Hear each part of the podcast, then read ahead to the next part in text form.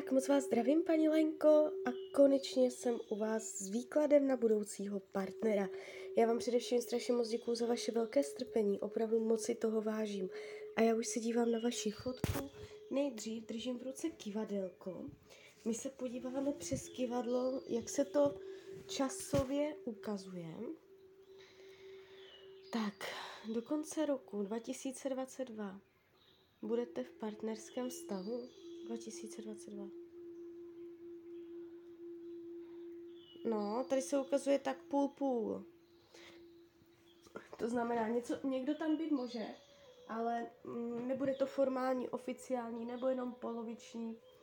Uh, podíváme se 2023.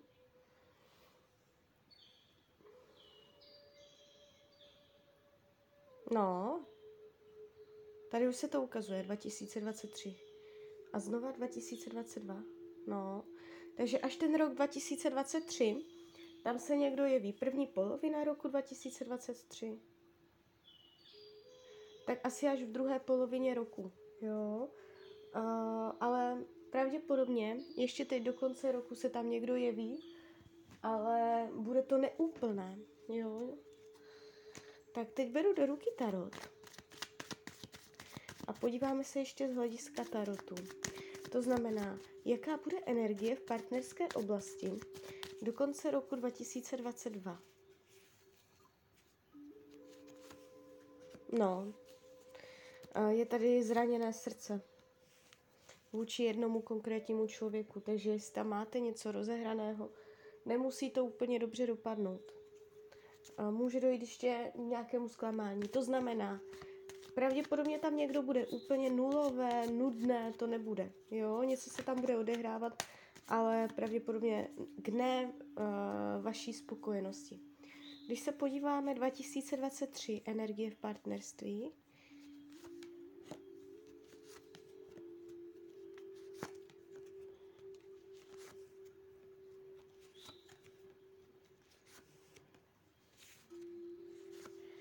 Tady je ta energie úplně jiná.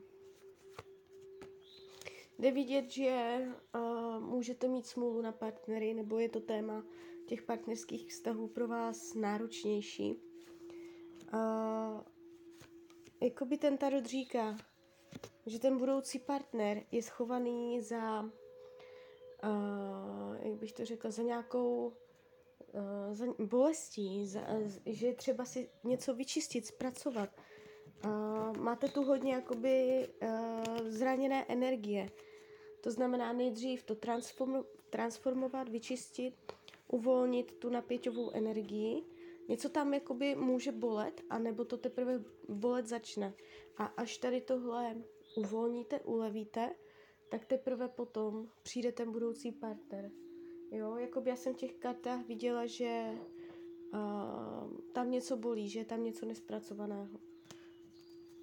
Tak, podíváme se, jaký bude, jaké bude mít vlastnosti. Co nám o něm Tarot řekne, jaký bude váš budoucí partner. No, vůbec by mě nepřekvapilo, kdyby byl vodního znamení, ale to nemusí být pravda, on se může jenom vodně chovat. To znamená mm, hodně snílek ve vlastních světech, romantický, jemný, jemnocitný, pěkný vzhledově Jo, a může mít hodně velkou představivost, fantazie, takový vnitřní, vnitřní člověk, a plný citů, jemnocitný. Jo, takže takový to typ člověka. O čem to bude mezi vama? A tady padají nádherné vysoké karty, to znamená, Pravděpodobně spolu nebudete prožívat nějaké zásadní, těžké lekce, že by to bylo komplikované, ten vztah. Ukazuje se to, že spolu budete hned od začátku v energii prožitku, že si to budete užívat, že to budete mít jakoby za odměnu toho člověka. Jo, padají nádherné karty. A co to má naučit vás? Dělat kompromisy, slevovat ze svých požadavků, být víc parťák, ne sama za sebe solitérní, ale uh, umět jakoby sdílet všecko ve dvou, ve dvojici, fungování ve dvojici, slevování ze svých požadavků, umět dělat kompromisy tam, kde nechcete. Jo, a podíváme se, co tu má on za téma. Čas.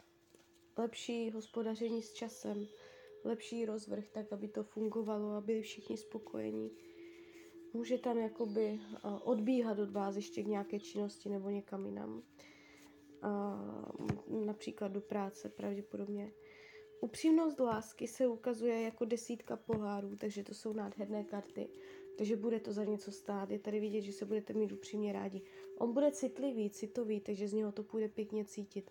Potenciál do budoucna uh, to bude mít.